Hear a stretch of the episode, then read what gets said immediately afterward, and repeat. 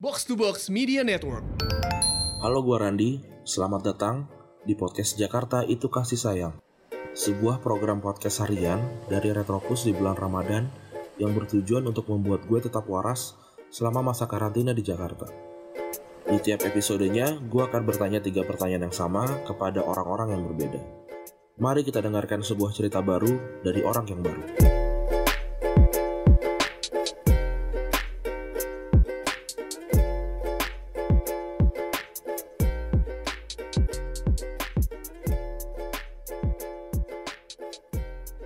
Jakarta itu kasih sayang episode ke-18 La- sudah 18 hari berpuasa 18 orang juga. Eh gue ajak ngobrol dan ini adalah orang ke-18 nya itu. Tapi seperti biasa biarkan orang ini yang bercerita dia itu siapa. Oke silakan perkenalkan nama lu bro. Oke, nama gua Robi Rabanan Acedeta. Gua usia 20 tahun dan sedang berkuliah di Universitas Pendidikan Indonesia Bandung. Gua boleh dipanggil Odet, boleh juga dipanggil Robi, tapi gua lebih familiar dipanggil Odet. oke Odet Eh, kenapa lu pengen bercerita di eh, episode kali ini Kalau gua pengen bercerita, alasan gua sederhana, gua nggak nyaman yang namanya gua dicap sebagai matan santri, yaitu oke latar latar belakang pendidikan gua gitu. Mhm. jadi lu masuk pesantren itu SMP SMA Gua dari SMP Oke dari tahun SMP. Itu emang 2012. kemau emang kemauan lo? Kalau kemauan enggak, gua lebih sebenarnya gua nggak mau karena emang udah dapet sekolah juga dan gak ada opsi lain. Oke oke. Terus tapi background keluarga lo gimana? Apakah bokap nyokap lo tuh emang orang yang Islami gitu sehingga anak-anaknya masuk pesantren gitu? Ah, kalau bokap sih kalau bokap tuh lebih ke adat dari adat keluarganya juga gitu, lebih pemahamannya lebih ke arah eh, apa? Oh, secara apa umum-umum maksudnya apa? Kata-kata umum tuh pemba- ya ah. umum-umum Orang-orang- nas- orang biasa lah ya? Orang biasa lah. Orang biasa. Oke. Nah, Terus? i- ibu gua pun sama, cuman ibu gua tuh makin lama makin ketarik eh, sama ajaran dari guru-guru di pondok gua. Eh, Oke berarti kan- berarti sebenarnya sebelum lu masuk pesantren tuh orang orang tua lo ya orang tua biasa aja nih tapi karena lu masuk pesantren masuk ke lingkungan itu orang tua lu juga ikut ikut belajar lah gitu ya. iya, tapi kalau sampai sekarang sih yang dilihat ibu gua doang. Oke oke. Nah terus gimana pengalaman lu di pesantren gimana tuh? Gue juga orang pesantren sih, tapi gimana gimana? Coba lu bercerita. Eh, kalau gua sih, gua jujur gua adalah di pesantren gua santri biasa ya, santri-santri biasa. Bahkan gua lebih bisa dibilang santri bandel gitu. Kabur-kaburan, kap- eh, kabur-kaburan. Ya kehidupan gua, gua lebih nggak mendalami agama lah di pesantren gitu, ketimbang Oke oke. gua mendalami hal-hal yang lebih umum gitu seperti pelajaran-pelajaran umum gua sampai bimbel juga kan dulu di pondok gitu. Iya. Bimbel di luar, bimbel di luar. Mhm. Nah, Terus sampai da- sampai dampaknya sampai kalau dari pengalaman gua dampaknya itu gua sampai ujian Quran.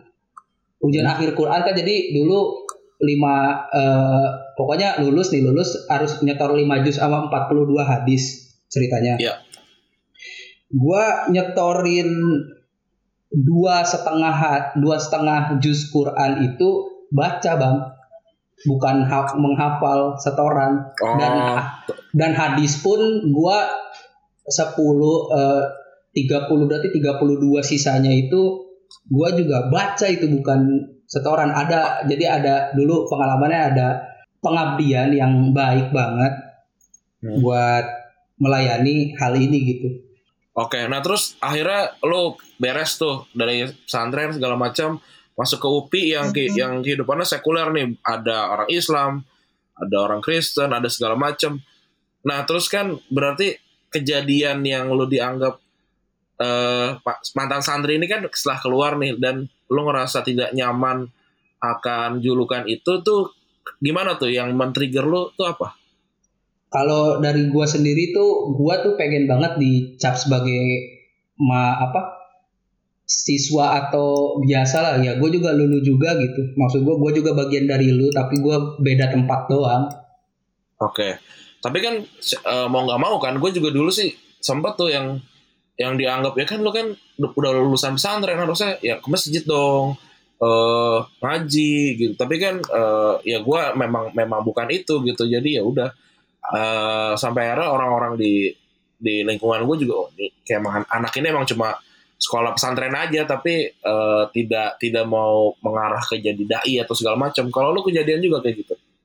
Uh, kalau kejadian gue mungkin mirip sih kayak gitu. Gue juga nggak mau jadi dai segala macam. Cuman ya memang tapi uh, apa ya?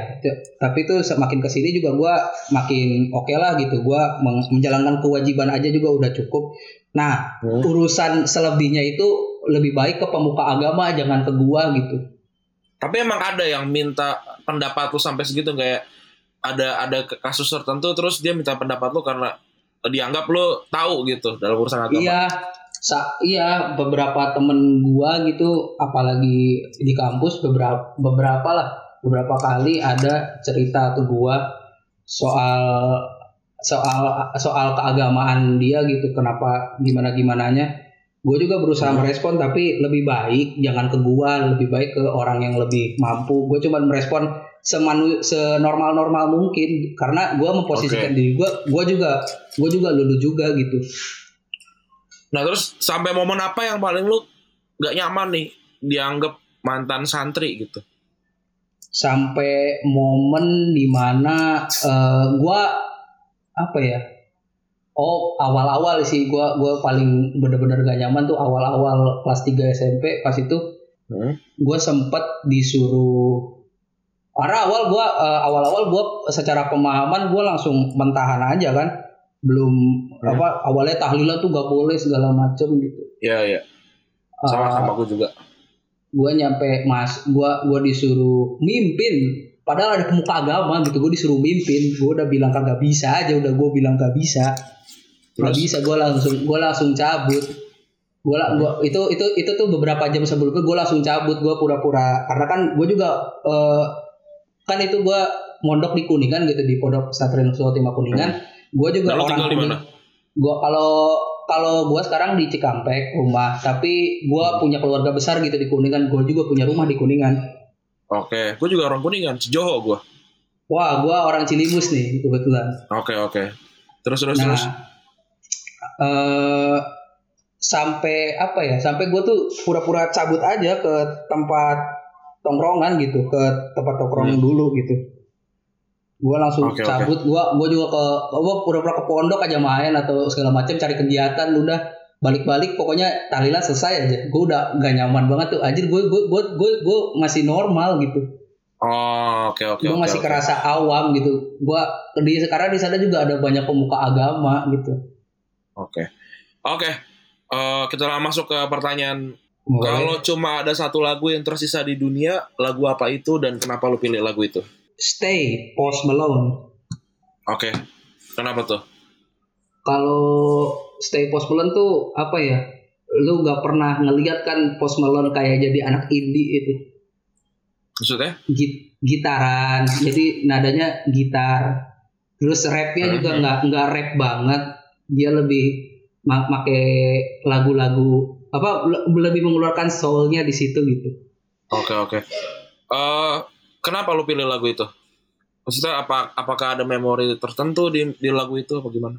Kalau memori sih enggak, tapi karena gua awal gua suka Post Malone itu karena bedanya tuh pas di lagu Stay itu. Kan okay. awal-awal suka, ya. Uh, uh. Gimana, Awal-awal gue kalau lagu rap kan ya ya udah gitu ya lagu rap hmm. uh, dengan hip, apa beat yang beat hip hopnya yang enak gitu gue ini pas masuk ke lagu itu ah ini nilai plus gitu. Oke, okay. uh, eh, lo suka musiknya atau suka liriknya nih?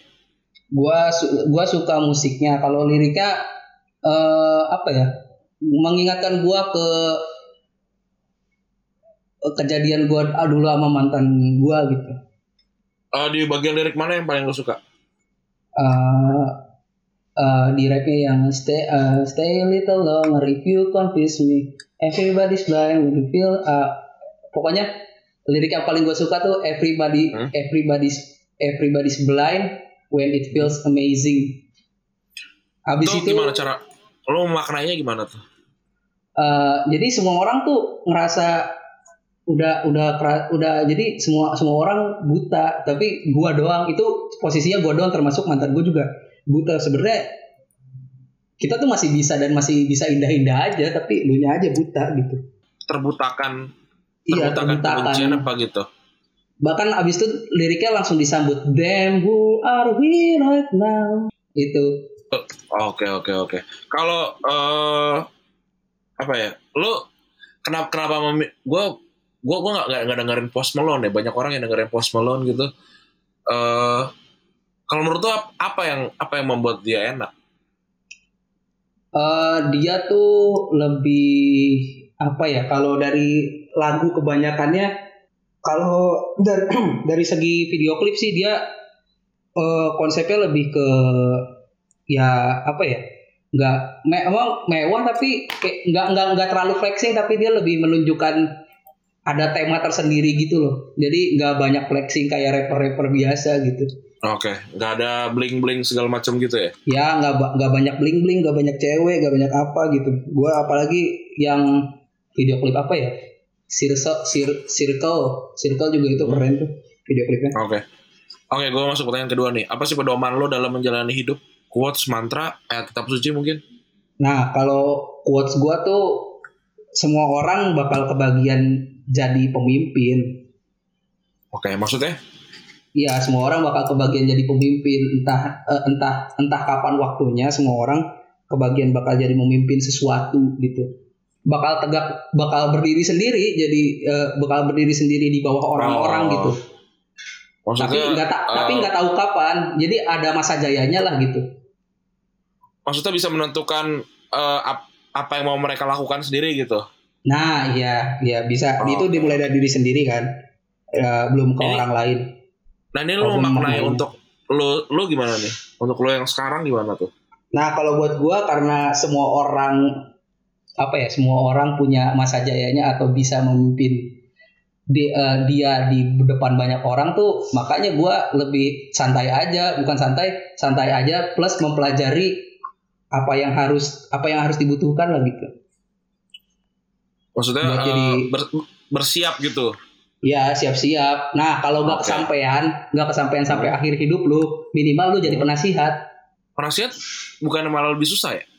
Menasihati Enggak, orang kan? karena maksudnya? karena ka- karena karena karena penasihat itu istilahnya gue udah nyatet semua apa yang seharusnya lu nggak dibutuhin ada apa yang lu butuhin itu penasihat tuh udah kitabnya udah siap sebenarnya gue bisa memimpin tapi gue bisa hanya cukup jadi penasihat juga udah cukup gue punya Oh, kitab oke. sendiri gitu Pertanyaan terakhir nih, apa yang berubah dari hidup lo semenjak pandemi COVID-19 ini terjadi?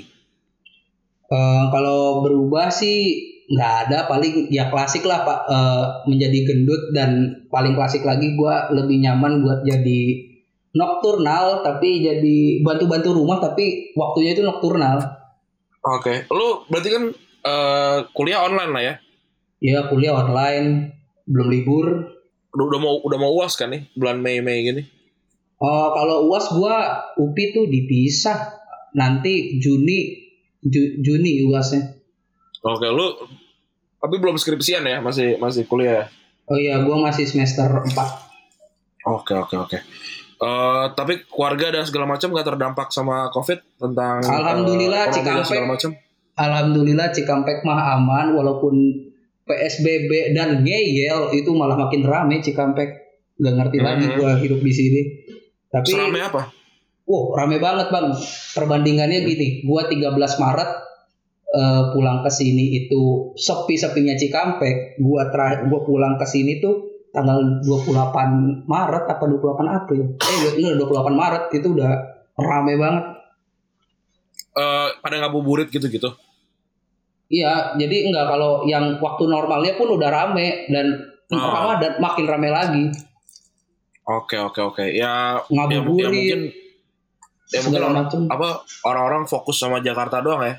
Daerah-daerah Iya. satelit gitu malah nggak kepikiran tuh.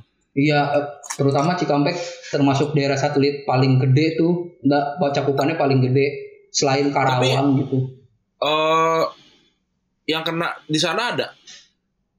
Kalau secikampeknya mah kas eh, kan karena teteh gue juga sebenarnya ini rumah juga rumah zona merah ini. Teteh gue perawat mama papa gue sama kan mama papa gue kerja pulang pergi Cikampek Jakarta. Tapi sekarang udah ada ada jadwalnya lah gitu udah dijadwalin. Oh, oh, oh. sebenarnya rumah gue zona merah kalau kalau dibilang ini mah. Karena kalau hitungannya seperti normal ya banyak orang ODP gitu Oke oke. tapi kalau Eh, tapi kalau eh, tapi kalau kalau Cikampek kata teteh gua selama ini kasus belum ada sama sekali.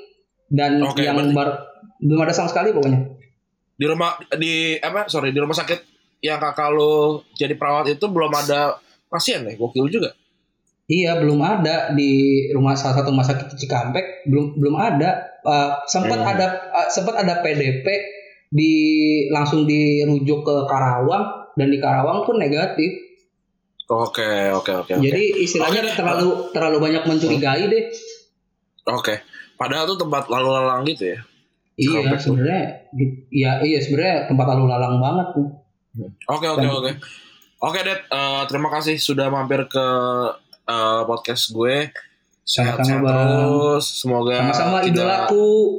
Aduh anjir idolaku Oke, terima kasih sudah mampir juga. Eh, sehat-sehat, teman-teman juga yang mendengarkan puasanya lancar-lancar.